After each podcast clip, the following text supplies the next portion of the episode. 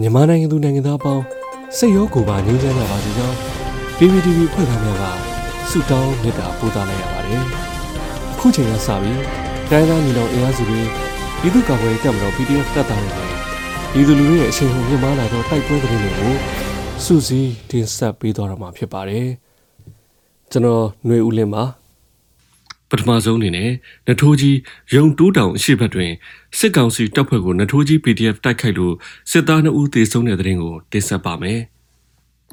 မန္တလေးတိုင်းနထိုးကြီးမြို့နယ်ရုံတိုးတောင်အရှိဘက်တွင်စိုက်ကယ်မားဖြင့်ကင်းလည်လာသောအကြမ်းဖက်စစ်ကောင်စီတပ်ဖွဲ့ကိုနထိုးကြီးပြည်သူ့ကာကွယ်ရေးတပ်ဖွဲ့ကယမနေ့ဖေဖော်ဝါရီလ23ရက်နေ့ညနေ3နာရီခွဲတွင်ပြစ်ခတ်တိုက်ခတ်ခဲ့ရာစစ်သား2ဦးသေဆုံးသွားပြီးအခြားစစ်သားများမှထွက်ပြေးသွားကြောင်းသတင်းရရှိပါသည်။ အကြမ်းဖက်စစ်ကောင်စီတပ်ဖွဲ့များသည့်လက်နက်ကြီးဖြင့်ကာပစ်ပစ်ကာပြန်လည်ဆုတ်ခွာခြင်းတေဆုံးစစ်သားအလောင်းများကိုပြန်လည်တည်ဆောင်သွားကြောင်းပြည်သူ့ကာကွယ်ရေးတပ်ဖွဲ့များအထိကိမရှိခဲ့ကြောင်းသိရှိရပါသည်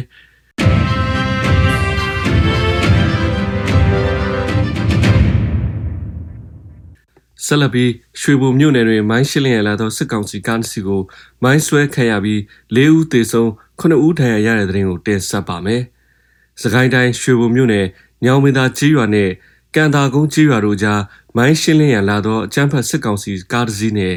လက်ပါစီပြူစောတိကားတစ်စီးကို မော်ကွန်းညီနောင်ခင်ဦးပကဖနှင့်မဟာမိတ်တပ်ဖွဲ့များကယမနေ့ဖေဖော်ဝါရီလ23ရက်နေ့နနက်8:00နာရီတွင် မိုင်းဆွဲတိုက်ခိုက်ရာစစ်ကောင်စီဘက်မှ4ဦးသေဆုံးပြီး9ဦးဒဏ်ရာရရှိကြောင်းသတင်းရရှိပါသည်။မိုင်းဆွဲတိုက်ခိုက်ဖို့ဒေသကာကွယ်အဖွဲ့များနှစ်ရက်ခန့်စောင့်ဆိုင်းခဲ့ရကြောင်းနဲ့အထီးကိုင်းမရှိစုခွာနိုင်ခဲ့ကြောင်းမော်ကွန်းညီနောင်အဖွဲ့ထံမှ သိရှိရပါတယ်။အလားတူယမနေ့ညနေပိုင်းတွင် အောင်ပန်းမြို့ရှိစစ်ကောင်စီလက်အောက်ခံစီပင်ရုံးကို အောင်ပန်းမြို့ပြပျောက်ကြားတပ်စု UDS အောင်ပန်းနှင့်ကလောပြည်သူ့ကာကွယ်ပူးပေါင်းကဖောက်ခွဲတိုက်ခတ်ခဲ့ကြောင်းသတင်းရရှိပါသည်။ Urban Task Force အောင်ပန်းကိုဖေဖော်ဝါရီလ23ရက်နေ့တွင်စတင်ဖွဲ့စည်းခဲ့ပြီး NUG ချမှတ်ထားသောမူဝါဒများနှင့်အညီစစ်ကောင်စီကိုတော်လှန်သွားမည်ဟုထုတ်ပြန်ထားပါသည်။